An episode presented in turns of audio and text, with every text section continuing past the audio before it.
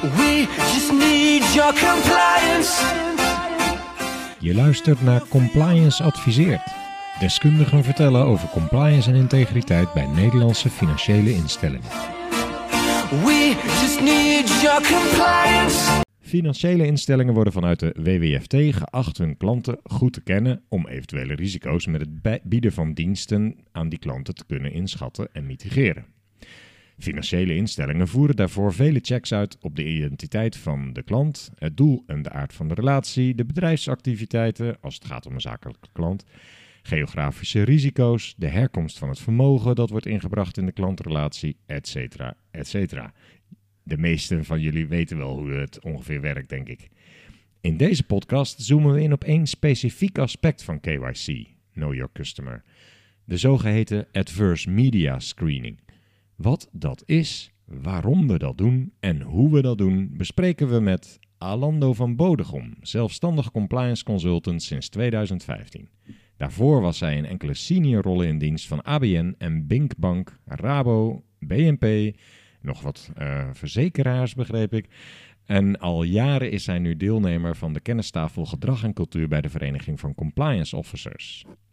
Welkom Alando, fijn dat je een bijdrage wilt leveren aan deze podcast. Leuk dat ik hier mag zijn. Welkom.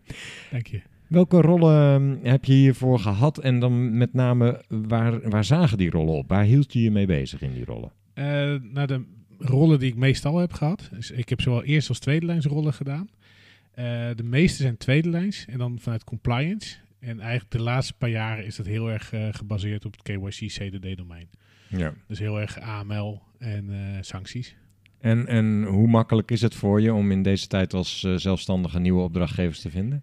Nou, lees de kranten, maar het is niet zo moeilijk nu.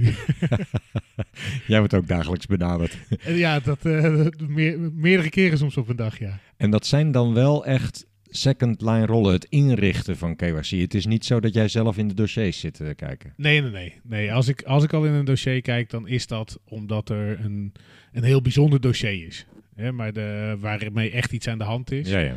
Maar de, nee, de- in de eerste lijn, daar heb je echt de analisten zitten die, Mhm. die, die de dossiers eh, samenstellen. Ja. Maar de, vanuit een compliance geef je daar of advies over. En in mijn rol eh, zit ik vaak daar nog iets verder vanaf. hè. Ik heb wel eens mensen aangestuurd die die, dat, die, die adviezen geven. Mhm. En dan krijg ik de hele bijzondere casussen. Dus eigenlijk krijg ik de leukste casussen te zien. Ja, ja, ja, ja. Maar het gaat ook om het inrichten van dat soort processen, het adviseren op dat vlak en ook misschien om het monitoren. Je Ja. checkt of eh, wat er gebeurt goed genoeg gaat. Dat ja? klopt. Ja, dat klopt. Oké. Nou, dan hebben we daar een beetje een helder beeld van. Ehm, we gaan het dus vandaag hebben over adverse media screening. Wat is dat volgens jou eigenlijk precies? Ja, adverse media screening is eigenlijk dat je eh, van je klanten kijkt of daar bijzondere, eh, bijzonder nieuws is over zo'n klant. En dat, die, dat dat nieuws ook van invloed is op de klantrelatie die je hebt met die klant. Dus als je, eh, nou stel dat iemand in drugs handelt, hè, dan, dan verkrijg je daarmee crimineel geld. Als je het criminele geld uitgeeft, hè, in het economisch verkeer brengt, zoals het zo mooi heet, dan ben je aan het witwassen. Nou, Mhm. dat mag niet van de WWFT. Hè? Dus, dan, eh, dus daar moet je tegen optreden. En dat is, eh, dat is soms best moeilijk om te achterhalen. Want ja, dat gaat vaak cash. Dus dat zie je niet in transactiemonitoring. En dan heb je een van de weinige hulpmiddelen die je dan hebt, is adverse media screening. Ja, want er zijn niet echt alternatieven. Je, je gaat dus zelf zoeken naar nieuws op dit vlak. Eh, ja, kijk, wat, wat, wat ook wel eens wil gebeuren, is dat als ehm, een opsporingsdienst ziet dat er heel evident iets aan de hand is. En, eh, en ze een donkerbruin vermoeden hebben eh, welke partij erbij betrokken is, dan willen ze best wel eens zeggen: let op die klant. Ja, heel vaak gebeurt dat ook niet. Dus Nee. daar, daar kan je niet op vertrouwen. Hè. Dat is, als zij dat nodig achten, doen ze dat. Maar Nee. dat is vaker niet dan wel. Het heet adverse media screening. Ja. Waar, waar slaat dat adverse media dan precies op? Ben je alleen op zoek naar iets wat eh, negatief is over die klant? Eh, ja, eigenlijk wel, ja. Ja, ja. Ja, Ja, dus de, ehm, je kan ook denken, maar dat is eigenlijk niet helemaal de WWFT. Hè. Je kan dus ook denken aan reputatierisico's. Dus dat je daar ook naar zoekt. Hè. De- en dat, dan kan je natuurlijk ook naar positieve dingen zoeken. Maar in het kader van de WWFT ben je eigenlijk alleen maar bezig met eh, eh, eh, het voorkomen van, van, van witwassen. Mhm, eh, het voorkomen van eh, financiering van terrorisme. mhm. En eh, in het kielzocht daarvan ben je ook bezig met sancties. Nou, die zijn nu hot hè, met, eh, met Rusland en Mhm. Oekraïne. Ehm, Ja, dat spe- speelt nu een week of twee ongeveer. Nou, Ja. nu we dit opnemen, ja. ja, precies. Dus, die, eh, dus dat, dat, is, dat is nu ook nog een keer erbij. En dat, dat, zit, dat doe je vaak in één moeite, moeite door. Eh, maar wat heel belangrijk is, is dat je wel weer weet met wie heb ik nou te maken. En daar is, als er negatieve berichten zijn over iemand, dan moet je dat toch onderzoeken. En kijken of dat in het kader van de WWFT van invloed is. Je hebt het duidelijk over de integriteitsrisico's, WWFT-sanctiewetgeving. Zijn Ja. er nog andere aanleidingen? Ik zou me ook kunnen voorstellen dat je het misschien vanuit een financieel risico eh adverse media screening doet. Eh, ja, dat kan wel, maar dat doe je eigenlijk niet in het kader van de WWFT. Dus als ik, Nee. kijk, als, we, als ik nu kijk waar we het eh, naartoe hebben afgekaderd, Ja. dan is het echt alleen in het kader van: is er een kans dat we moeten twijfelen aan de integriteit van de klant? En eh, dat kan zijn dat je hem op een verhoogd risico zet, maar het kan ook zijn dat je afscheid moet nemen van zo'n klant. Ja, maar doorgaans ga je dus op het moment dat je adverse media screening uitvoert, niet om eh, redenen, andere redenen dan om integriteitsrisico's dit uitvoeren. Nee, wat, wat wel bij heel veel instellingen gebeurt, is dat vaak ook wel wordt meegenomen. eh, hoe zit het dan met, met, met de belastingen? Hè? Dus de, je hebt de belastingontduiking, nou ja, dat is verboden, dat is evident. En als je dat doet, dan ben je eigenlijk aan het witwassen. Dat is ook een gronddelict voor witwassen, ja. Eh, maar je hebt bijvoorbeeld ook belastingontwijking.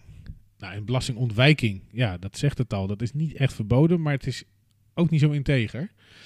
Eh, en dat, dat zie je wel vaak, dat dat wordt meegenomen in, eh, in zulke soort screeningen. Dus dat, zie je, dat zit niet zozeer in die adverse media screening, maar dat zit vaak wel dat je, als je een klantonderzoek doet, dat je dan kijkt van, goh, hoe zit die structuur? En je ziet een, eh, dan gaat het via Cyprus, en dan denk je, hé, hey, dat, is, dat is gek. En dan gaat het richting, eh, richting eh, bijvoorbeeld Dubai, en dan denk je, oh, er zitten een aantal trapjes in, en ineens zit je op de Maagdeilanden. Mhm. Nou, dus dat, dat wordt wel meegenomen.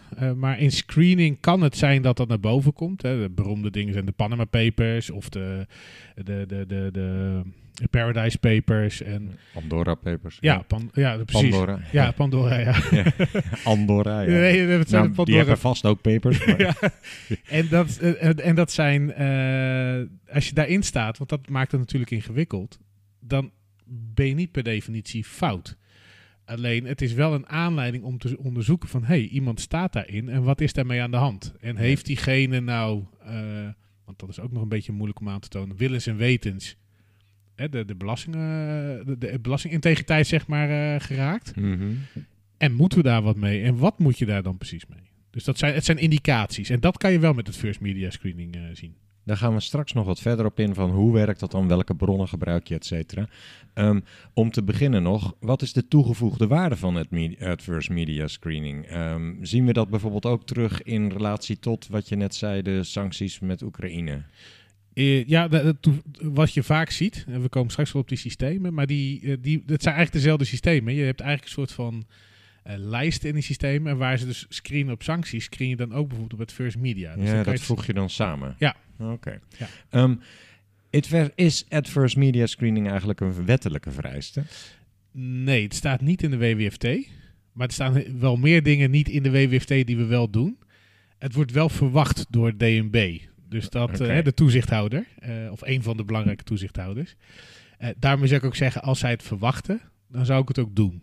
Oké. En, Ja. en, als je het, en als je het doet, dan moet je er ook wat mee doen. Het kan niet zo zijn dat je zegt, nou ze verwachten dus ik ga wat screenen en dan vervolgens doe ik er niks mee. Dat zou ook raar zijn. Dus dan, dus dan verwacht je ook wel een actie. En als je het niet doet, dan zal DNB ook je wel vragen van, waarom doe je dat eigenlijk niet? Mhm, Ja, ja. Dus de, Want, ehm, en wat je er dan mee doet, dat gaan we ook nog later bespreken. Maar eerst, voeren alle financiële instellingen adverse media screening uit? Of, of is het toch een keuze wanneer je dat wel en niet wil doen? Ja, je ziet, dat, dat verschilt een beetje van instelling tot instelling. Ehm, ja, ooit in den beginnen, vroeger, eh, toen, eh, toen werd dat nauwelijks gedaan. Je, je voerde een naam in en dan keek je, zie ik iets. En nee, oké, dan is alles goed. Je ziet dat partijen, een aantal partijen dat heel serieus hebben opgepakt. Je ziet bij sommige partijen dat het nog in de kinderschoenen staat. Eh, maar ik denk wel dat we één kant op gaan, dat we langzamerhand allemaal naar een volwassen vorm van het first media screening gaan. Maar het zijn wel altijd openbare bronnen die je erbij gebruikt. Of nou ja, misschien moeten we de bronnen nog even laten liggen. Ehm, wat is er eigenlijk vooraf nodig om effectief en efficiënt adverse media screening uit te voeren. Voordat je werkelijk gaat beginnen met adverse media screening toe te voegen aan je arsenaal, eh, waar moet je over nagedacht hebben? Nou ja, dat hangt. Je moet eigenlijk hebben eh, nagedacht welk middel ga ik gebruiken voor adverse media screening. Dus de, heel veel mensen zullen in eerste instantie waarschijnlijk denken aan Google. Eh, en Google is natuurlijk een fantastische bron. Het is alleen heel breed. Hè? Dus je, je kan er alles mee vangen. Hè? Je tikt de naam, je krijgt van alles. En je weet niet precies hoe betrouwbaar dat is. Nou, om die betrouwbaarheid te verhogen, dan moet je dan nadenken: hoe zorg ik ervoor dat ik op een effectieve, efficiënte manier via Google dat doe? Alternatief is, is dat je een eh, speciaal systeem daarvoor aanschaft. Mhm. En daar zit eigenlijk, dan is daar al over nagedacht wat daarachter zou moeten zitten. Hè? Dus hoe je, dat, hoe je betrouwbare informatie filtert van de niet betrouwbare informatie. Maar ik kan me ook nog voorstellen dat het richtinggevend kan zijn als je zelf ook eerst goed nadenkt over wat wil ik er precies mee bereiken en wat doe ik dan met eh, uitkomsten uit eh, adverse media screening. Dat je dat al vooraf bedenkt. Niet Ja. dat je gaandeweg ontdekt, hé, hey, eh, ik heb wel bedacht dat ik moet gaan zoeken, maar wat doe ik nou eigenlijk met de resultaten? Is dat niet ook iets waar je vooraf al een kader aan kan geven? Ja, ja, wat je. Kijk, je kan van alles vinden. Hè? Dus stel dat er een. ehm, eh, stel dat er in adverse media screening staat dat ehm, eh, iemand. ehm, nou, iemand heeft bijvoorbeeld wel een, een strafbaar feit gepleegd. En dat strafbare feit. eh, dat kan volgens het strafrecht strafbaar zijn, maar er is geen witwassen mee Dus de, ehm, Ja, zo'n soort geval. als, Ja. Stel dat iemand, eh, iemand zwaar mishandelt, hè, maar die heeft dat in een dronken bui gedaan, dan kan er best wel adverse media ontstaan. Eh, en, dan kan je, en diegene kan daarvoor in de gevangenis komen. Maar diegene heeft daar geen geld voor ontvangen. Dus die heeft ook geen crimineel geld in het systeem gebracht. Mhm. Dus is ook niet aan het witwassen. Dus het is wel een crimineel. Er is wel adverse media. Op basis van de WWFT kan je niet zeggen, nou nu wil ik afscheid van je nemen. Nee, en iemand die eh 50 eh, snelheidsovertredingen heeft gemaakt, eh, dat is ook niet iemand die je Nee. om deze reden ze- eh, gedag zegt. Nee, Nee. Nee, dus dat, dat, als je dat zoekt inderdaad, ja, dat klopt. Daar moet je wel over hebben nagedacht. Van wat, is nou, wat valt er nou wel onder, wat valt er nou niet onder? Ja, dat bedoel ik inderdaad. en dat ja. is echt heel strikt. Heeft het te maken met witwassen of met, eh, met, met terrorismefinanciering. Of, als we even de, de, de sancties erbij slepen, is er sprake van een overtreding van een sanctie. Dan zou die adverse media kunnen leiden tot een, eh, in het meest eh, ultieme geval, tot een afscheid nemen van de klant. Maar een heleboel andere gedragingen, nee. Hè, als iemand een, een crime passionnel eh, pleegt, ja, dat is verschrikkelijk. Maar uiteindelijk is het in het kader van de WWFT niet, kan je diegene niet, kan je er geen afscheid van nemen. Nee. Terwijl als iemand een huurmoord pleegt, dan kan dat weer wel. Want ja, die heeft een huurmoord gepleegd, dus heeft geld gekregen voor het plegen van die huurmoord. En brengt dat in het economisch verkeer en dan is het weer witwassen. Intuïtief zou je zeggen, ik zou sowieso eh, een klant die zijn vrouw slaat eh, niet per se als klant willen hebben, maar dat, ja... Ja, dat, dat, kijk, ik, heb, ik heb een keer meegemaakt en dat was echt, echt heel erg. Eh, dat ging over een, een klant, het was een stichting. En degene die de leider was van die stichting, eh, die had eh, kindermisbruik gezien. En dat heeft hij met de man... Gezien? Ja, gezien in de zin van... zelf, of- nee, nee, hij Oh. had, hij had, het, was, het was gebeurd binnen zijn stichting. Ja, hij had het vastgesteld. Mhm. En hij heeft daar niks mee gedaan verder. Hij heeft dat gewoon met de mantel der liefde bedekt. En dan zit je in zo'n vergadering met je collega's. En, dan, eh, en iedereen heeft zoiets van... Ja, daar, daar moeten we gewoon vanaf. Ja. Dit is verschrikkelijk. Weet je, hij heeft dat gewoon... Eigenlijk heeft hij het gefaciliteerd. Hij heeft er niks aan gedaan. Hij heeft het gewoon door laten gaan. ja. En, en ieder weldenkend mens denkt dan... Weg ermee. Lastig geval, ja. Heel lastig geval. Maar dan kom je erachter... Ja, het is geen overtreding van de WWFT. Het is geen terrorismefinanciering. Nee. Het is geen, dus er zijn geen sancties overtreden. Dus op basis van, van de wet kan je dan geen afscheid nemen. Hoe graag je dat intuïtief ook zou willen. Ja. Hè, en, ik- en in die vergadering had ik huilende collega's. Hè. En, eh, maar dan kan dat niet. Nee. En, dan, en, dan, en dan zeg je toch van, dan ga je wel naar andere dingen zoeken natuurlijk. Van moeten dan met zo'n klant in eh, contact treden om te zeggen, ja, weet je, we kunnen misschien geen afscheid van je nemen. Maar misschien is het beter dat je gewoon weggaat. Mhm. Maar veel meer dan dat kun je niet doen. Kan je eigenlijk niet. Nee, Ja, daar eh, houdt het op. Daar houdt het op. En Ja. dat is. eh, hè, dus daar, zit, daar zie je ook die scheidslijn. Dat je ook over zulke dingen moet nadenken. Hoe verschrikkelijk ook. Ja, dat heeft uiteindelijk in dit geval geen invloed op de klantrelatie in het kader van de WWFT of van de sanctiewet. brengt ons, wat mij betreft, al bij de voor- en nadelen van uh, adverse media screening. Als je zo dit zegt, is dat een nadeel van media screening of zeg je, nou, niet? Uh, je, je moet het wel doen. Ja, je moet, je moet het altijd doen. En, en eh, kijk, in dit voorbeeld wat ik had, zou je kunnen zeggen: heeft dat, is dat van invloed op de reputatie van een financiële instelling?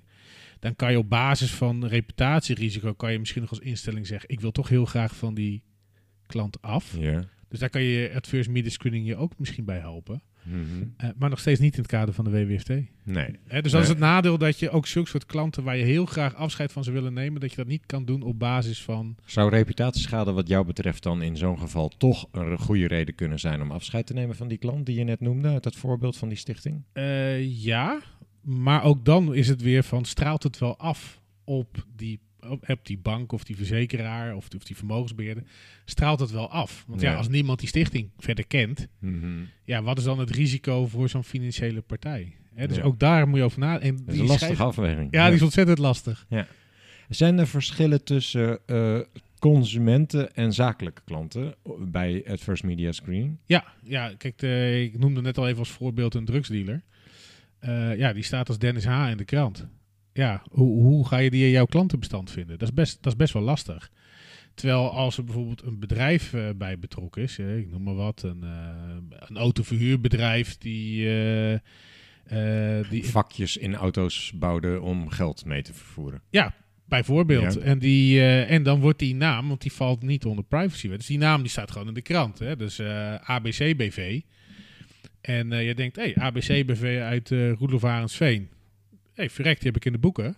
Mhm. Nou, dan is 1 en 1 2. Dus dan is het best makkelijk om te zeggen, die, zijn, die kan ik liëren aan, aan dat witwassen. Maar die. Dennis H. in mijn voorbeeld, als die verder geen, geen, eh, geen bedrijf heeft, is dat lastig. Dus dan is het Ja, bij consumenten is het misschien ook wel moeilijker om met first media screening te Ja, gebruiken. absoluut. Ja. absoluut. Omdat ze heel vaak niet met naam en toenaam worden genoemd. Stel dat je nou toch eh, uit adverse media screening de naam wel goed kan gebruiken. Ik noem maar wat, een Russische oligarch of zo. Ja. Eh, dan mag je natuurlijk vanwege de sanctiewetgeving al helemaal niks mee doen. Maar eh, stel dat je toch iemand op het spoor bent waarvan je denkt, ja, op dit moment nog niet gesanctioneerd, maar ik wil daar eigenlijk ook niks mee te maken hebben. Ja, dat- Ehm, dan moet je, denk ik, als je op het moment dat je een zakelijke eh, klant eh, screent, ook die natuurlijke persoon meenemen in je screening. Klopt dat? absoluut. Ja, ja, wat je eigenlijk altijd doet hè, bij de WWFT is van wie is de UBO, hè, de, de Ultimate Beneficial Owner. En eh, dat is eigenlijk degene van wie je verwacht, die heeft de touwtjes in handen. En als jij zegt, ja, die zaak, die, da- dat, gaat, dat gaat niet helemaal lekker, daar hebben we geen vertrouwen in, dan heb je eigenlijk ook geen, en dat komt hè, door die UBO, die had kunnen ingrijpen, moeten ingrijpen, of was er misschien direct bij betrokken, dus dan vind je daar ook wat van. Hè, dat is wat lastiger. Ik heb ook wel eens een zaak gezien. En dan zie je dus dat de ene UBO de andere UBO belazerde. Ja, dus die ene daar wil je vanaf. En het bedrijf wil je ook vanaf. Ja. Maar die andere, ja, dat was eigenlijk aangetoond wel. Dat die, die was zelf de dupe. Ja. Die was ook geld kwijt. ja, hoe doe je dat? Hoe doe je dat? Ja, dus dan zeg je, nou ja, die mag als privépersoon, vinden we die eh, oké. Ja. Ja, hij had wat beter moeten opletten. Maar ja, daar, kun- daar kunnen we verder niet zoveel van verwijten. Maar die andere, die kunnen we wel heel wat verwijten. Want die met opzet heeft hij de boel belazerd. Ja. En heeft hij geld verkregen wat hij niet had mogen verkrijgen middels dat bedrijf. Maar als financiële instelling zit je niet op de stoel van de bestuurders om daar iets eh, in te grijpen of zo. Nee. Je, je kan dan die klant dus ook niet meer eh servicen. Nee, nee, je- je- kijk, in, in zo'n geval zeg je, ik ga van de zakelijke entiteit ga ik afscheid nemen. Eh, dan kijk je natuurlijk ook, wat vinden we van die personen? Nou, die, in dit voorbeeld, hè, die ene UBO, daar zeg je van, ja, daar willen we ook afscheid van nemen. Dus die, daar willen we geen zaken mee doen. Dus mocht hij in privé daar bankieren of bij die verzekeraar zitten of wat dan ook, dan wil je ook als privépersoon daar afscheid van nemen. Terwijl als die andere toevallig ook in privé er zitten, zeggen ja, ja, die is zelf belaast, die is zelf de dupe. Als privépersoon vinden we hem tolerabel. Hè? En misschien wel dat je zegt, we houden hem wel even wat extra in de gaten. Zitten wel op verhoogd risico, want ja, hij is de, ja, het is toch bij dat bedrijf gebeurd. Dus Ja. was het nou echt een goede inschatting van ons dat hij niks van niks wist? Of Ja. Dit, dit klinkt misschien vergezocht, maar stel je hebt een eh, bedrijf in je adverse media screening gevonden waar iets mis mee was. En je weet dat er op dat moment een bestuurder zat. Er is iets gebeurd twee jaar geleden of zo. En je weet dat er op dat moment een bestuurder zat die jij ook als privé, eh, eh, co- als consument, als klant hebt. Vind je dan dat je die consument ook niet meer zijn gewone privérekening mag geven? Of gaat het echt puur om die zakelijke klant? Nou, dat hangt er dus vanaf als diegene, ehm, als diegene echt leiding heeft gegeven aan het bedrijf. Ja, in dit geval ja. En leiding heeft gegeven aan die malversaties, dan ligt het dus aan de integriteit van die persoon. Want een bedrijf zelf doet niks.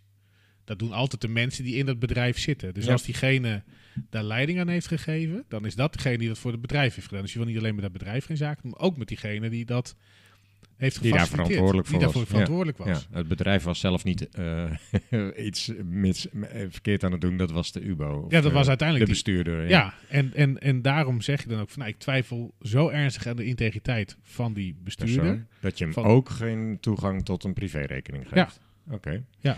Ehm, nog even verder op een zakelijke relatie. Waar screen je eigenlijk allemaal op als je een zakelijke relatie? Alleen op het bedrijf?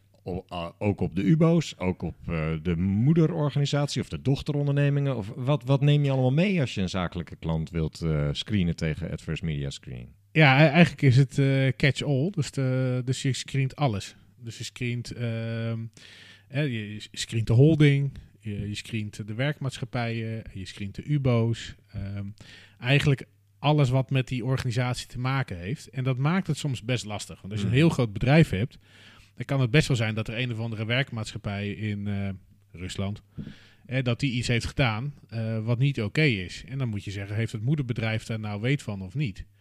Hm. Ja, en wie moet je nou precies aanmerken? Moet je dan zeggen van, nou, we gaan terug tot in Nederland, hè, als de moedermaatschappij in Nederland zit, en zeggen we willen met het geheel niks te maken hebben? Of is het een soort van afvallige dochter en willen we alleen met die niets te maken hebben? Is er dan een bepaalde bottom line te- aan te geven? Op basis van daarvan zou ik beslissen om wel of niet met die klant verder te gaan? Of is dat eh, toch echt iets heel individueel per geval? Ja, dat is echt per geval moet je dat bekijken. Hè. Soms, soms dan zie je echt eh, dat ze...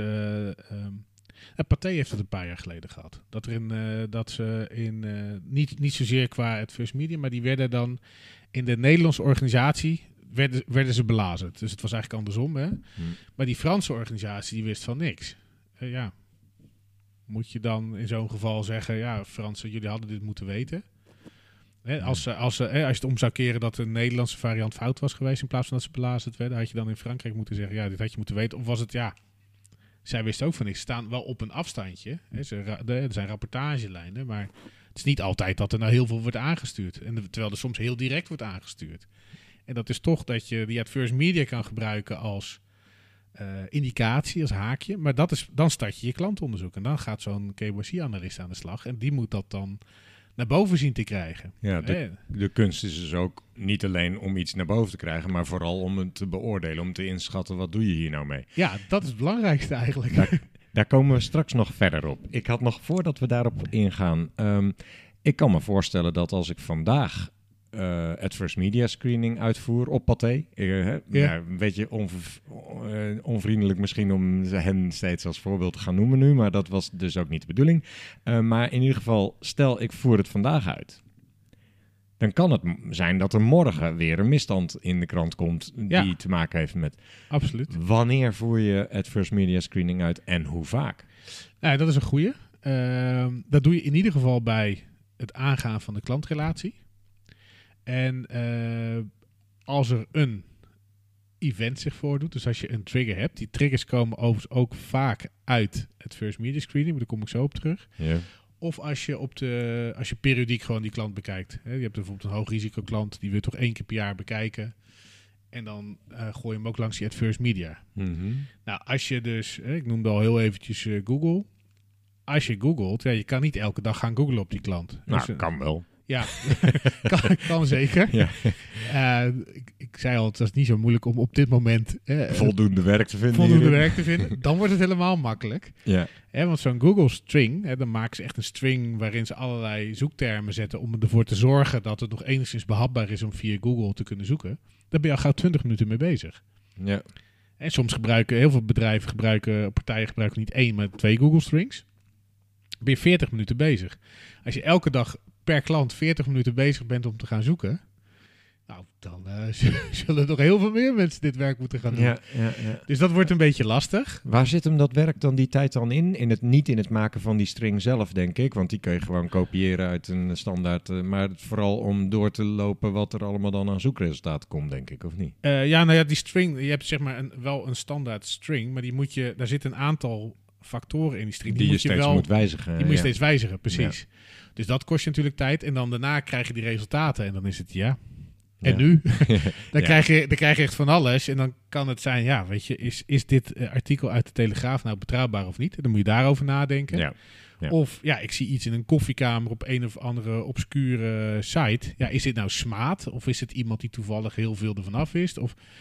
En dat maakt het al lastig, want dat kost allemaal tijd. Dus Ja, allemaal... Ik denk dat we er al langzaam uitkomen dat Google als eh, enige eh, adverse media screening dat dat niet zo effectief Nee. is. Nee, Nee. nee, nee. Maar, ehm, want hoe zorg je nou, je zei net, eh, daar komen we zo wel op, maar daar wil ik eigenlijk nu al over beginnen. Hoe kun je adverse media screening als event gebruiken dan? Hoe, hoe krijg je te weten of er alsnog adverse media screening ontstaat? Ja, nou, je, hebt, je hebt ook eh, systemen. Dus je hebt verschillende aanbieders. Oké, we gaan het over de aanbieders hebben. Ja, en die, eh, die verschillende aanbieders die, eh, die kunnen je helpen dat overnight te doen.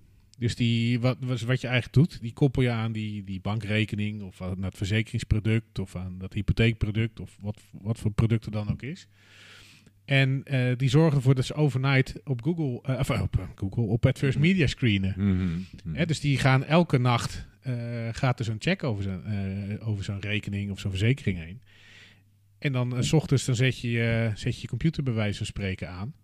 En dan, hey, pling, op deze klant, op ABC BV, eh, eh, hebben we in één keer Adverse Media. En is het dan van belang, ja, het ligt misschien voor de hand hoor, maar dan moet dus ook elke nacht op al die onderdelen die we bij een multinational of zo hebben, aan moederorganisatie en eh, alle UBO's en zo, die worden dan ook elke nacht meegenomen door zo'n Ja. systeem. Ja, Ja, ja, ja. dus die screent eigenlijk alles.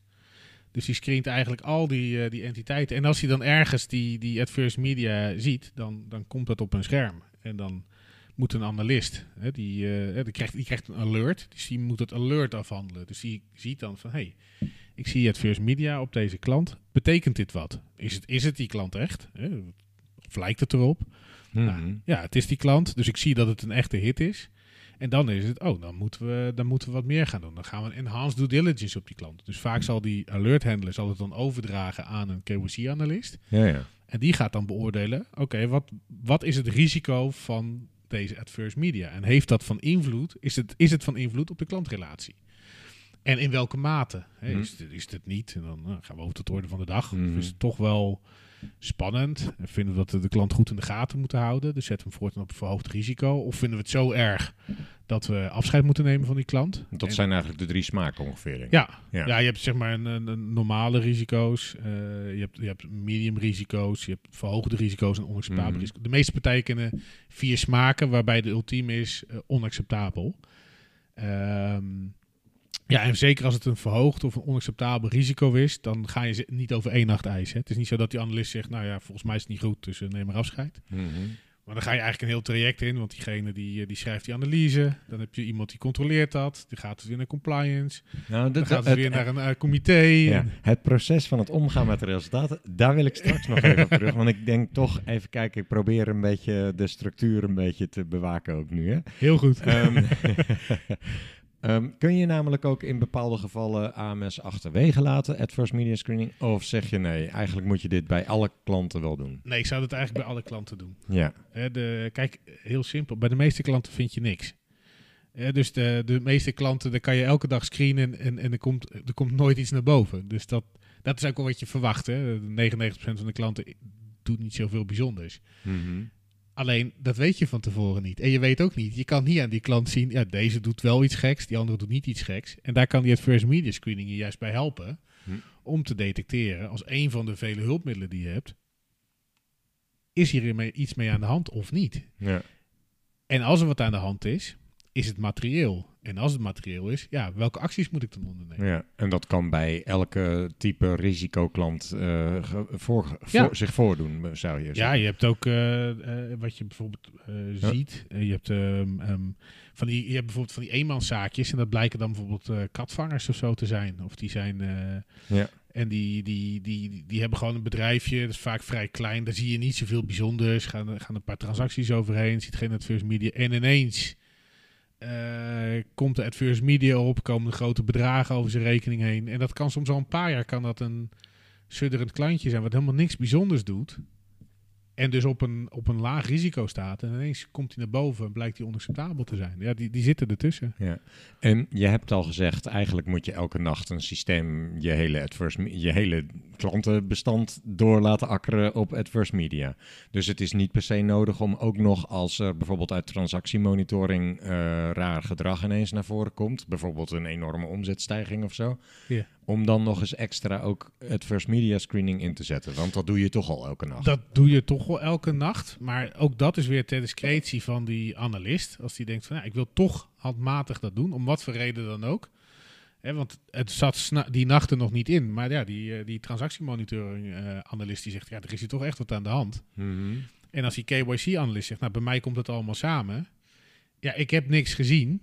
Ik doe toch even handmatig een check. Dat kan. Kan dat meer opleveren dan wat er uit zo'n systeem komt dan? Eh, ja, soms wel. Want soms wel. Want dan doe je net die handmatige check. Was het overnacht, was er nog niks. Maar als ze in de ochtend wat hebben opgeladen... en diegene doet in de middag die checkt... dan ineens ziet hij het toch. Ja, dat, Dat kan, kan. natuurlijk. Ja. Je, het Maar zal ik- niet zo vaak me- voorkomen. Ja, waar ik meer naar zocht is wat ik me kan voorstellen is dat je als je handmatig zoekt, dat je dan toch net wat eh, ver- verfijnder en door kan zoeken ten vergelijking van zo'n systeem. Of zeg jij, nee, die systemen die ik ken, die halen alles naar boven. Het is eigenlijk hetzelfde systeem. In de praktijk zie je vaak dat ze dan kunnen kijken van... hé, hey, wat heeft hij vannacht gezien? En dan zie je, oh, hij heeft dit, dit en dit gezien. Dus die... Je weet al waar hij op gezocht heeft. Ook. Ja. Ja, oké. Ja.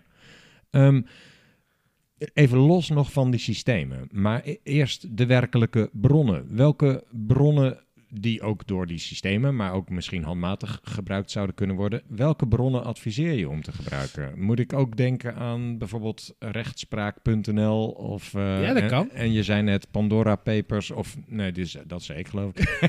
Paradise Papers en zo. Ja. Ehm, zijn dat, welke bronnen zijn in scope? Eh, nou ja, kijk, het moeten betrouwbare bronnen zijn. En eh, dat is wel een beetje een glijdende schaal wat betrouwbaar is. hey, dat, daar hebben we nog iets waar we vooraf, voordat we met eh Ja. adverse media screening beginnen, over na moeten denken, denk ik. toch? Betrouwbare bronnen, ja. Wat, wat beoordelen wij als betrouwbare bronnen? Ja, nou, dat kunnen kwaliteitskranten zijn. Dus het kan zijn dat je zegt eh, de NRC, de Volkskrant, eh, Trouw. Maar het kan ook zijn dat je dan bijvoorbeeld zegt in zo'n screening tool... dat hij dan alleen daarnaar kijkt. En dat dan iemand zegt, maar wacht even, de, de Telegraaf heeft eh, ook hele betrouwbare informatie. Nou, dan voeg je de Telegraaf toe aan eh, betrouwbare bron. Dus je definieert wel een aantal betrouwbare bronnen. Ik noem nu toevallig alleen kranten, maar het kan ook rechtspraak.nl zijn. Mhm. En je hebt zo'n internationaal collectief van journa- onderzoeksjournalisten. Nou, ICIJ. ja, daar komt ook heel veel van af. Dus die wordt ook als betrouwbare bron gezien. En zo heb je verschillende van zulk soort ja, gremia, om het zo te zeggen, die als betrouwbaar worden geacht.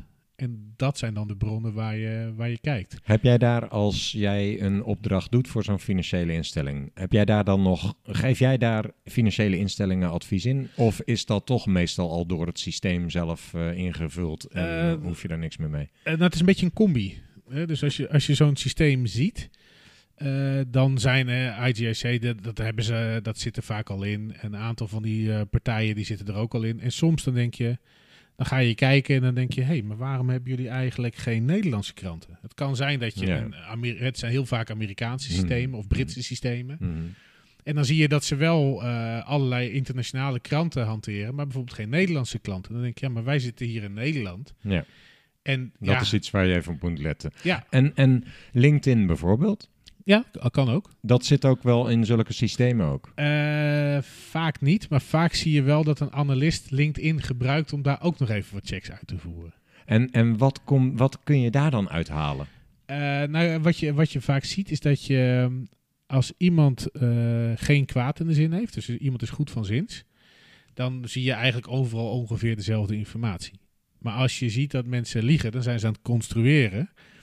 Maar dat construeren, daar zijn ze vaak niet consistent in. Dus je kan inconsistenties kan je detecteren dat je ziet, hey, op LinkedIn zie ik daar een gat. Of daar zie ik een andere datum dan wat ik in de KVK zie. Hè. De KVK is bijvoorbeeld ook een eh, bron. Hè, maar ik zie weer bij rechtspraak.nl zie ik weer wat anders. Of in die krant stond dan dat. En dan op een gegeven moment ga je dan Hmm. denken van, wacht even. Hier is iets aan de hand. Dit, dit klopt niet. Dus dat is ook een, iets waar je naar zoekt als Adverse Media Screener eh, Ja. analyst.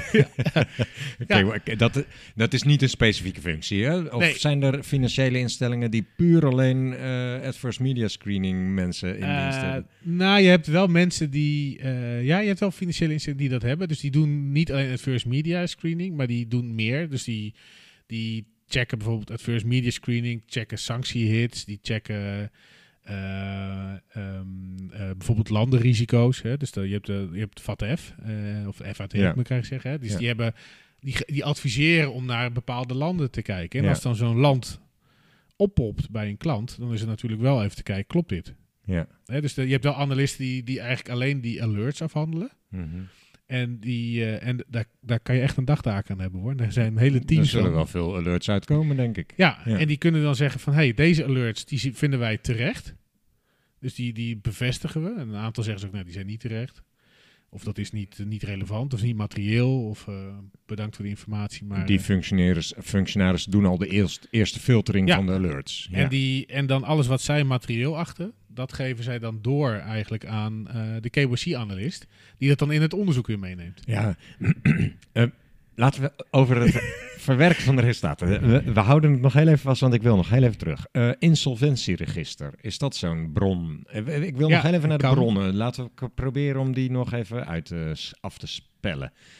Ehm, Kan, kan een bron zijn, ja. zijn er nog andere bronnen? Want je noemde al Nederlandse kranten ook. Eh, we hebben nu LinkedIn besproken, rechtspraak, insolventieregister. Eh, follow the money bijvoorbeeld. Follow the Money, van, eh, dat is dat journalistencollectief. Hè? Ja.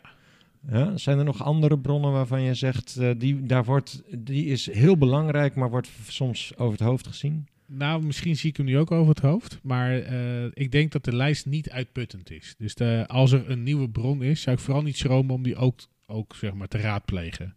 Twitter? ja, dat vind ik een lastige. Want dat Nou is, daar zitten wel mensen heel rare dingen te typen, dus dat, Precies. misschien En- brengt dat ook wel iets naar boven. ja, dat kan. Maar dat, kijk, op Twitter kan het natuurlijk ook zijn dat het een verzinsel is. Of het is smaad. Of het is... En dat maakt het lastig. En Ja. dat is ook wel...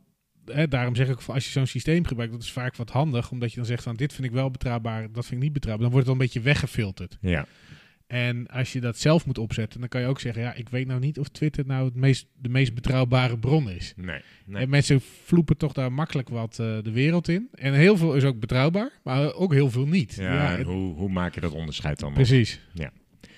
Duidelijk. Ehm, dan gaan we het nu hebben over hoe voer je dan zo'n opdracht uit. Laten we eerst eventjes beginnen met handmatig toch. Stel, een, een kleinere financiële instelling heeft nog niet eh, middelen om... en heeft misschien ook maar een paar klanten, weet jij veel. Kan. Ja. Ehm, stel dat je dat handmatig gaat doen. Eh, is het dan eh, verstandig om bijvoorbeeld Google toch te gebruiken? ja, het is altijd beter dan niks. En Google is een zoekmachine die wel veelomvattend is. Hè. Je, hebt, je hebt natuurlijk meerdere zoekmachines. Eh, maar Google leent zich op zich daar wel voor. Kijk, de, eh, ehm, eh, geen enkele zoekmachine vindt alles. Maar om alle zoekmachines te gebruiken, dat is ook een beetje te veel van het goede. En dan zou ik zeggen, ja, pak dan een grote betrouwbare zoekmachine, zoals bijvoorbeeld Google. ja. Eh, en dan kan je met zo'n zo'n zo'n string, zo'n search string, kan je dan wel nog een beetje filteren. Dus dan zeg je, nou, hier zet ik de naam van die klant. Ik wil alleen maar eh, bepaalde informatie eh, wil ik vinden. En als je dat dan in die string zet, dan kan je op die manier al enigszins gefilterd wat uit, uit Google trekken. Ja, ik weet niet hoor, dit gaat misschien heel technisch, maar weet jij of het wel verstandig is om dat te gebruiken? Want op een gegeven moment Google, eh, wat, ik, wat ik ervan begrijp, ik weet er ook niet alles van, die past zijn zoekresultaat ook een beetje aan aan jouw zoekgedrag. Dus op een gegeven moment zal die misschien niet meer alles tonen wat jij eigenlijk zou willen zien. Eh, klopt. Is dat iets om rekening mee te houden? Of waar die systemen die je wel zou kunnen gebruiken, die commerciële systemen, gebruiken eh, die ook Google? En houden die daar rekening mee? Nee, die gebruiken vaak geen Google. Nee, helemaal niet. Nee, maar wat, ze, wat je bijvoorbeeld wel ziet, is dat ehm, veel analisten die Google gebruiken, die gebruiken de incognito-modus. Ah, En- kijk. En als je die incognito-modus gebruikt, dan zorg je er eigenlijk voor dat eh, Google eh, je niet gericht die informatie geeft, maar eigenlijk ongericht. Want ja, ze hebben niet bijgehouden. Wat jij al eerder gezocht hebt. Ja, Ja. en op die manier kan je dan toch ervoor zorgen dat je nog enigszins ongerichte informatie krijgt. Dus die je zelf richt met je Google String. Duidelijk. En eh, laat je niet ook, als je bijvoorbeeld Google gebruikt, ook ongewenst sporen achter? Eh, bijvoorbeeld, eh, ja, ook als je de incognito-modus gebruikt, weet Google toch wel wat er in ieder geval over de lijn is gegaan. Dat wordt toch ergens vastgelegd? ik maak me geen illusies dat Google wel weet wat er dan gebeurt. Ja, ja, ik weet niet. Ik ben heel naïef. nee. Nee, dus ik denk, ongetwijfeld zullen ze wel eh, voldoende weten. Ja, of dat schadelijk is, dat durf ik niet te zeggen. Wat, wat ik schadelijker zou vinden, en ik heb dat in de praktijk gezien, is dat je toch checks af en toe moet doen op bijvoorbeeld eh, LinkedIn. En eh, je, je had vroeger nog wel eens dummy accounts, maar dat mag, dat mag niet meer. Dus je moet met een account gaan zoeken. Nou, als een analist zoekt onder de eigen naam en die komt bij een bedrijf terecht. En dit is gewoon waar gebeurd, hè? En, dan, eh, en dat bedrijf, daar zit iemand en die heeft dus kwaad in de zin. En die weet welke analist dat is. En die zoekt die analist vervolgens op Facebook op. En die bedreigt diegene gewoon via Facebook. Dit gebeurt. Dit gebeurt, ja. Ja. ja. en dat is, echt wel, dat is echt wel ernstig. Ja, en dan is het wel van, ja, je wil ook niet die analist in gevaar brengen. Die doet Nee. alleen maar zijn werk. Ja. Zijn of haar werk. In dit geval was toevallig, eh, in mijn voorbeeld was toevallig een vrouw. Ja. Ehm, Nou, wel een goede om rekening mee te houden als Ja. je LinkedIn gebruikt. Zeker. Ja, Ja. goede tip. Ehm, als je. eh, al, maar nu gaan we het dan over wat commerciële tools hebben. Eh, Kun je er een paar noemen? Welke denk je het eerst aan als je aan een goede commerciële adverse media screening tool denkt? nou, ik denk, ik denk bijvoorbeeld aan een eh, RDC. Eh, RDC. Ja, dat is, van, eh, het is, dat is tegenwoordig van Moody's. Bekend ook van de, de Ja. ratings. Hè? Mhm. Eh, en RDC is een, een, een, tool die, die komt uit Amerika. En die is eigenlijk door een aantal grote financiële partijen ooit eh, opgezet. En inmiddels dus verkocht aan, aan Moody's. En die gaat, die gaat vrij ver. Die, die, die doet wat een heleboel andere van die tools ook doen. Maar die hebben ook nog analisten zitten. Daar kan je naar het zeggen. Daar kan je zelf ook aangeven. Dit vind ik wel betrouwbare informatie. Dit vind ik geen betrouwbare bron. Ehm, dus daar kan, je, daar kan je wel wat mee spelen. Maar ja, eh, het is van Moody's wat ik al zei. Moody's heeft bijvoorbeeld ook Bureau van Dijk. Nou, dat is een hele grote, eh, dat is een van de grootste, misschien wel de grootste in de wereld. Eh, en die zoekt weer in allemaal andere bronnen en die laten we die bronnen zien. Dus dat kan ook wel eens aantrekkelijk zijn om die te gebruiken. Maar ja, eh WorldCheck, dat is van, van Reuters. Die doet hetzelfde. Dus de, en als je ze allemaal naast elkaar legt, je hebt nog Dow Jones, je hebt, je hebt er ontzettend veel. En eh, LexisNexis. En, maar als je ze naast elkaar legt, ze komen nooit 100% tot dezelfde eh, resultaten. Dus Hmm. er zit toch aan de achterkant allemaal een beetje verschillend. En ja, als ik heel eerlijk ben, de een is niet beter dan de ander. Hm. Eh, ik denk dat ze allemaal eh, behoorlijk goed zijn. En ja, als je als bedrijf moet gewoon kijken welke vind jij het beste passen. Ik zou zeggen, laat een paar analisten die ermee moeten werken, laat die een aantal van die systemen testen. En, kies welke zij het fijnste vinden. ja. En eh, ga dan daarin verder. Ja, want ik kan me voorstellen dat eh, de ene partij heeft misschien niet alle bronnen, de andere heeft... eh, wa- wa- wat mij ook wel interesseert is, stel nou ik heb een, ehm, een Chinese klant. Ik noem maar even een voorbeeld. Ja. En ik spel zijn naam op westerse wijze. Vind ik dan ook toch die Chinees die misschien eigenlijk in de adverse media als met Chinese karakters genoteerd staat? Of ehm, ik spel net Mohammed met 1M terwijl het met eh, 3M is of zo. Nee, dat, dat, die, eh, heel veel van die systemen houden daar rekening mee. Die houden ook rekening met spelfouten. En tegelijkertijd, het is wel grappig dat je precies de naam Mohammed gebruikt. Dat is de meest voorkomende voornaam in de wereld. Ja. Dus ja, weet je, als iemand eh Mohammed heet, eh, ja, grote kans dat hij het niet is. Ja, Maar, hè, laat ik het ja, zo zeggen. Want die, de kans is heel klein dat het precies de goede Dus dat is ook wel. Dus dan heb je ook een achternaam nodig, dan heb je een geboortedatum nodig, geboorteplaats nodig. Is ook niet altijd bekend. Nee, en dan dus wordt de- toch, zoek je alleen op naam dan, op complete naam? Of zoek je in, zoek je, zorg je dat je in die nachtelijke screening waar we het eerder over hadden, ook altijd geboortedatum meegeeft? Ja, zoveel. Kijk, wat je dus eigenlijk doet vanuit je klant, heb je die gegevens wel, hè? Dus is die Mohammed en die heeft nog een, eh, nog een tweede naam, misschien wel, of een derde naam nog. En een achternaam en een geboortedatum. En je weet zijn geboorteplaats. Dus in je screening aan jouw kant, hè, aan de financiële kant, zorg ervoor dat die gegevens hup, dat, door dat systeem heen gaan. Maar aan de andere kant zit een systeem en die zoekt dan, ja, wie, wie zouden dat dan allemaal kunnen zijn? En er komen er natuurlijk heel veel uit. En dan is het, eh, ja, maar deze Mohammed die woont in Nederland. En die Mohammed uit het bericht, die, eh, die woont, in, eh, woont in de Oekraïne. Nou ja, dus die, Ja. die, Ja. gaat, die gaat dan niet mee. Dus daar popt hij niet op. Maar als je dus vervolgens die Mohammed krijgt die misschien wel in Nederland zit.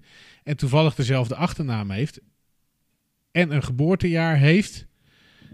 Wat, eh, zou, Overeenkomt. wat ja. overeenkomt met jouw klant. Want van die klant weet je dat die 25 december 1975 geboren is. Mhm.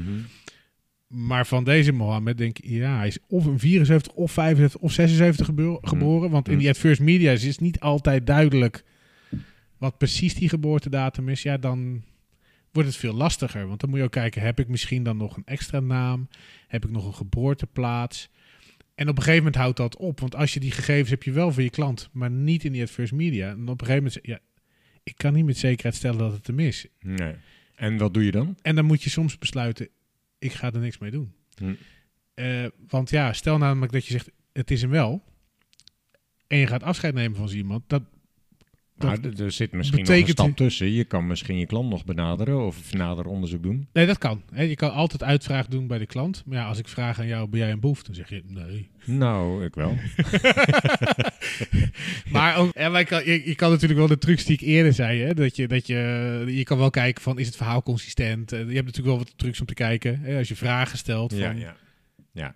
Ja je, je moet door het combineren van allerlei bronnen vaststellen... hebben we het hier over dezelfde persoon? Is dit aannemelijk, ja of nee? ja. ja, En als het, en als het zeer aannemelijk is, hè, dan, eh, dan, dan ga je actie ondernemen. Maar als er te veel twijfel is, ja, dan moet je soms ook besluiten, ik doe het niet. En dan leg je dat ook in het dossier vast. En als het diegene dan toch blijkt te zijn, dan kan je in ieder geval altijd zeggen eh, dat je met droge ogen moet je dan wel kunnen verkopen. Ja, ja ik had toch te weinig aanknopingspunten, want ja... eh, 1974, 75 of 76. Ik weet dat mijn klant in 75 geboren is, maar dat is niet genoeg. ja. Want Stel nou dat je op een bepaalde klant, en dan wil ik het even simpel houden, een consument waar je wel voor achternaam, geboortedatum, geboorteplaats van hebt en zo, en je houdt dat tegen zijn adverse media screeninglijst staan en je vindt echt helemaal niets over die persoon. ja, dat kan. Eh, is dat dan reden om te denken, misschien is er toch iets mis, of ga je gewoon vrolijk verder met de volgende case?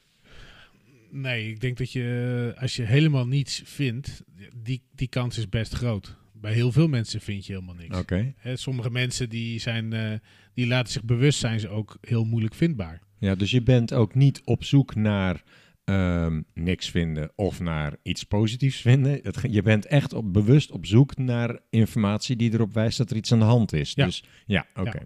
Je vindt een bericht waaruit blijkt dat iemand die de zakelijke klant heeft aangeklaagd wegens een misstand. Wat doe je? Dat is eh, zeker een, een trigger om een, een, een event-driven eh, review wordt er dan getriggerd, zoals ze dat zo mooi noemen. In goed Nederlands.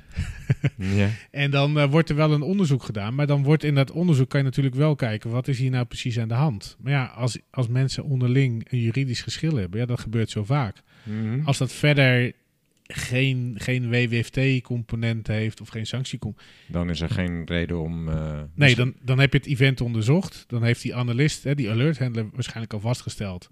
er is hier geen WWFT-component, geen sanctiecomponent...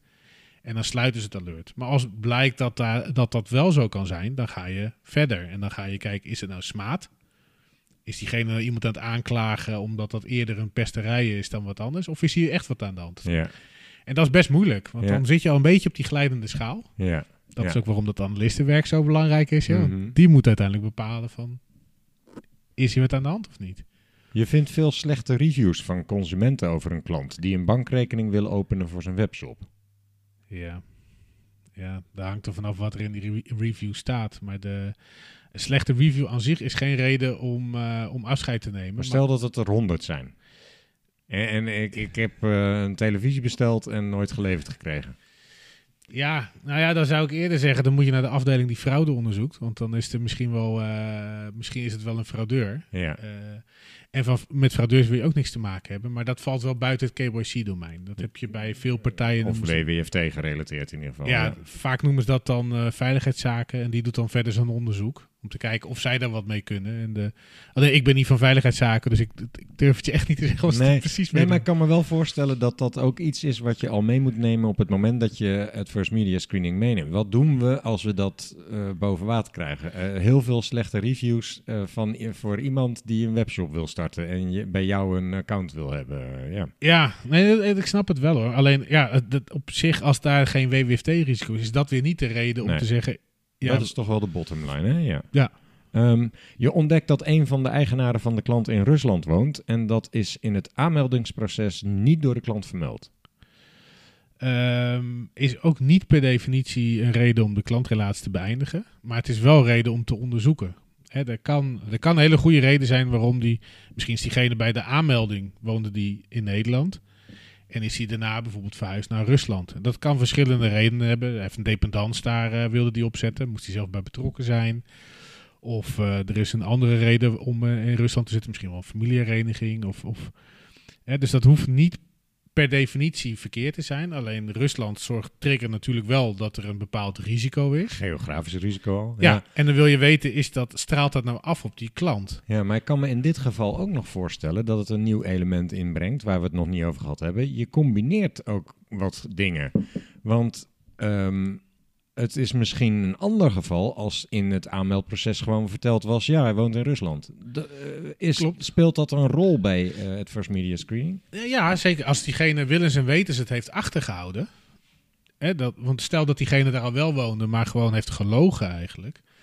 Ja, om liegen ga je niet direct iemand misschien... ah, ja, afscheid van nemen.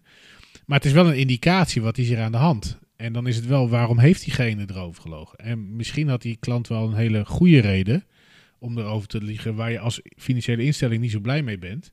En waarin je toch voldoende aanleiding ziet om te zeggen... nou ja, Ja. dit wordt voor ons toch wel een dusdanig integriteitsprobleem dat we onze maatregelen gaan nemen. Welke, welk type adverse media screening zou in jouw beleving direct moeten resulteren in het weigeren of afsluiten van een klant? Ja, dat is een hele moeilijke. dat is een hele lastige. Want ik, ja, ik, denk, ik denk dat dat, dat, dat niet zo snel eh, gebeurt. Kijk, als je. Ja, het is niet echt first media screening. Kijk, maar als je op een sanctielijst staat en je heet eh, Vladimir Poetin, dan is de kans vrij groot dat je niet zo lang hoeft na te denken. maar dan heb je het over sanctielijst. Precies. Oh, eh, sorry. Dat, we komen zo nog heel even op deze vraag terug. Maar dit brengt me even tussen op, op een tussenvraag. Eh, die systemen die we net hebben besproken, hè, zoals LexisNexis en Ja. eh, RGC, en, ehm, die eh, combineren adverse media screening met peplijsten en sanctiescreenings. En, eh, Ja, of, het, of, zijn, het zijn eigenlijk modules binnen dezelfde systemen. Dus het zijn eh, wel verschillende systemen. Het is Ja. niet zo dat die peplijst als basis ook voor adverse media screening wordt gebruikt, neem Nee. ik aan. Nee, nee, nee. oké. nee, nee. het, is echt een, het zijn echt modules die naast elkaar staan in die systemen. Ja, want als jij nu dan bij Adverse Media Screening Poetin eh, inbrengt, dan neem ik aan dat dat niet zozeer bij Adverse Media Screening boven komt, maar, maar in de sanctielijst screening. Nou, ik denk dat Poetin inmiddels in alle lijsten boven komt. Ja, waarschijnlijk. ja. Ja. Ik denk ook niet dat hij hier nog een bankrekening nodig heeft, maar Nee, ik denk niet dat hij hem nodig heeft. Of hij hem heeft of niet, dat weet ik niet. Maar de... Poetin was wel een duidelijk voorbeeld, maar je zegt eigenlijk in alle gevallen moet je het als alert beschouwen en verder onderzoeken. Ja, dus als het Pablo Escobar is, ik, ik realiseer me dat die man al lang geleden is overleden. een beetje wel, ja. Hè, maar de, dan, dan zeg je, ja, het is wel evident, Pablo Escobar, daar moeten we afscheid van nemen. En toch, als je die melding krijgt in jouw klantbestand, wil je wel even weten, is het dezelfde Pablo Ja, Escobar? precies, natuurlijk. En, ja. en zelfs bij als iemand, hè, er zal misschien nog wel iemand Vladimir Poetin heten, wil je wel weten, ja, is het nou de Russische leider of is het gewoon een, een, een Russische burger die verder niet zoveel kwaad in de zin heeft? Dus je moet even weten, is het, je wil toch even weten, is het die persoon? ja. En, eh, en dan ga je dat en dan doe je daar onderzoek naar. Ik kan me wel voorstellen als het heel evident is dat het onderzoek wat korter is. Dat je niet eh, zegt van. Nou, van ABC BV is, eh, is eh, Pablo Escobar de, de UBO. Dus ik ga ook nog, ehm, ik ga nog een heel onderzoek doen naar zijn herkomst van zijn vermogen. En hè, dus, dus Ja. wat je normaal wel zou doen. En ik ga nog netjes een uitvraag doen. En ik ga nog eventjes wat, wat getekende stukken van de accountant opvragen.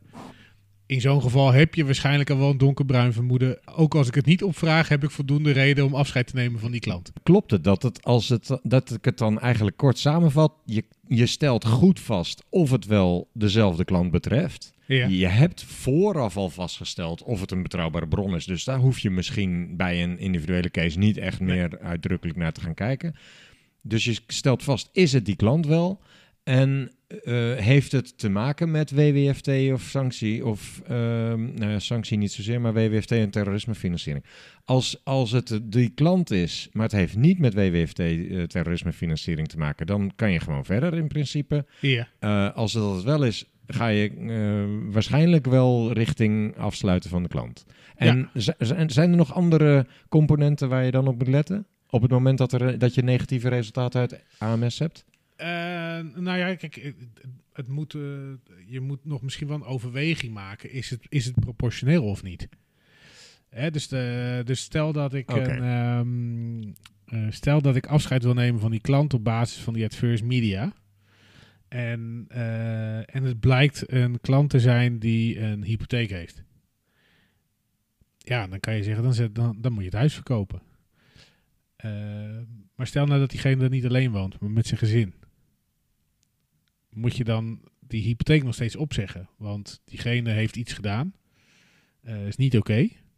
Eh, je wil heel graag van die klant af. Maar ja, op het moment dat je zegt, je moet nu je huis uit. eh, of, je, of we gaan de boel veilen. Ja, dan zet je wel zijn vrouw en zijn kinderen.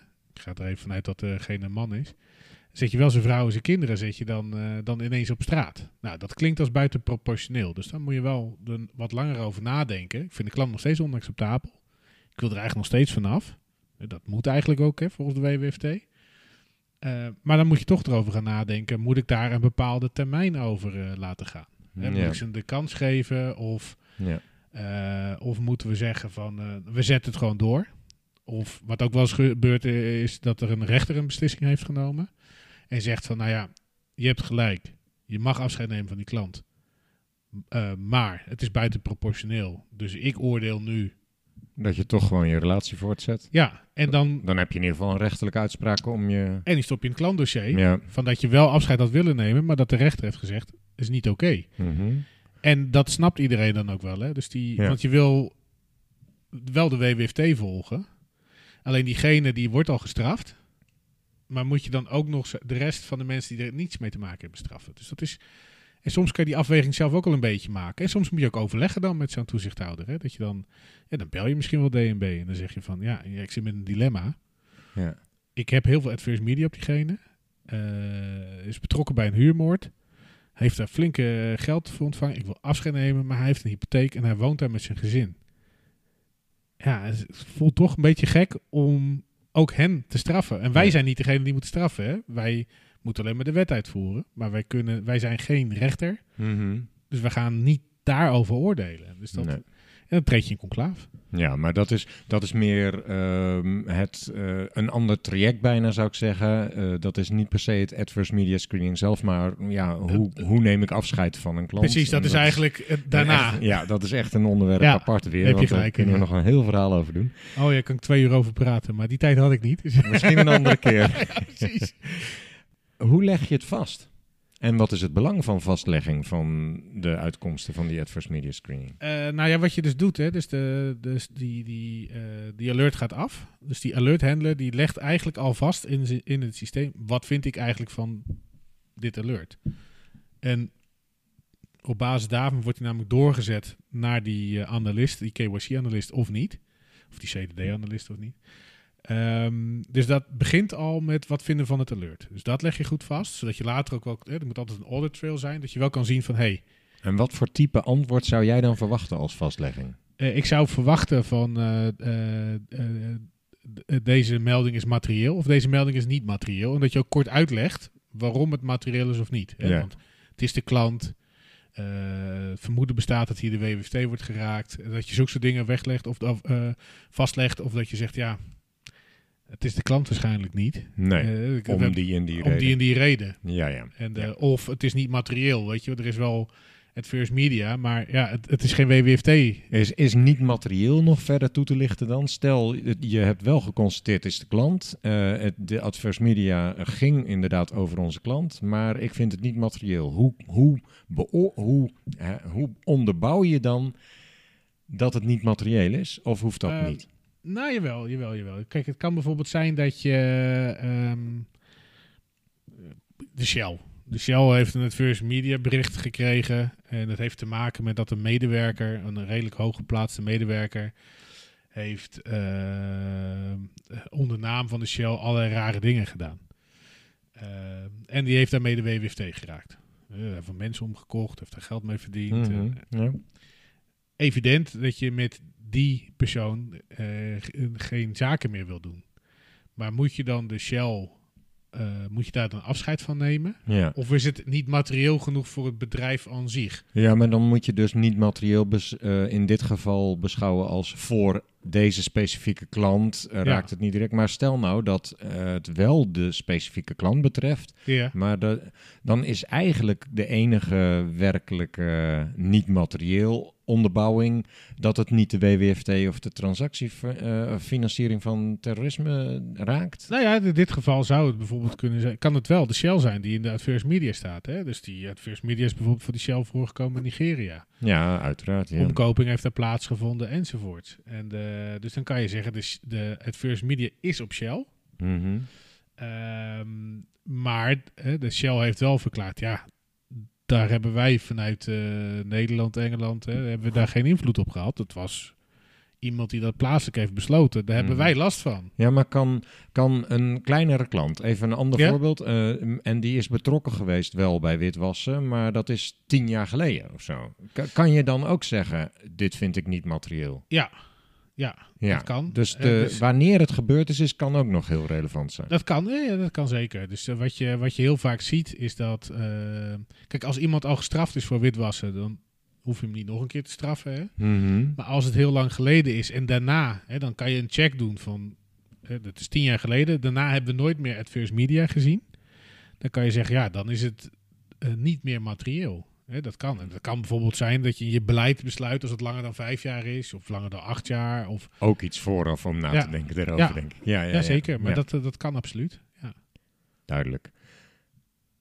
Ik wil afronding eh, van deze podcast gaan bereiken op dit moment. en ehm, de laatste twee vragen die zijn eigenlijk altijd... Wat verwacht je nog in de toekomst op dit vlak? En heb je nog een advies? Laten we die even samenvoegen deze keer. Ehm, ja, wat, eh, wat verwacht ik in de toekomst? Ik verwacht in de toekomst dat we nog veel geavanceerder en meer geautomatiseerd het gaan doen. Eh, en mijn advies zou zijn, maar dat is eigenlijk eh, naar, naar de wetgever toe.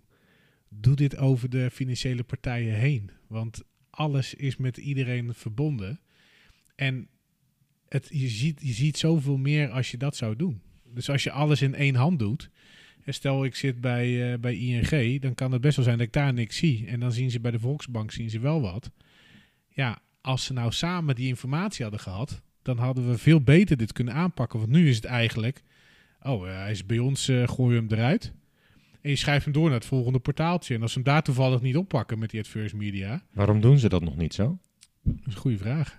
Die zou ik graag beantwoord willen zien. Zou dat iets te maken kunnen hebben met het feit dat je dan klantinformatie deelt met andere... Ja, ja dat, dat- precies. Het is, het- het- ja, de, dat, ook dat is een ingewikkelde, want de ehm, privacywetgeving is heel belangrijk, maar de WWFT die gaat eigenlijk boven privacywetgeving. Dus dat betekent dat als jij wordt gebeld door een bank, dat je dan kan, niet kan beroepen op privacywetgeving door te zeggen van, eh, ik werk niet mee, want je raakt mijn privacy. Dan, je moet meewerken. Dus die WWFT is ja, dat klopt. Ja, Alleen, ja, ja maar het, delen moet wel, van het moet wel een doel hebben. En Ja. hoe, hoe, hoe, wat is dan het doel van die uitwisseling? Het, lastige daarin zit hem volgens mij altijd dat je dan ook klantinformatie moet gaan delen van klanten die gewoon niks verkeerds hebben gedaan.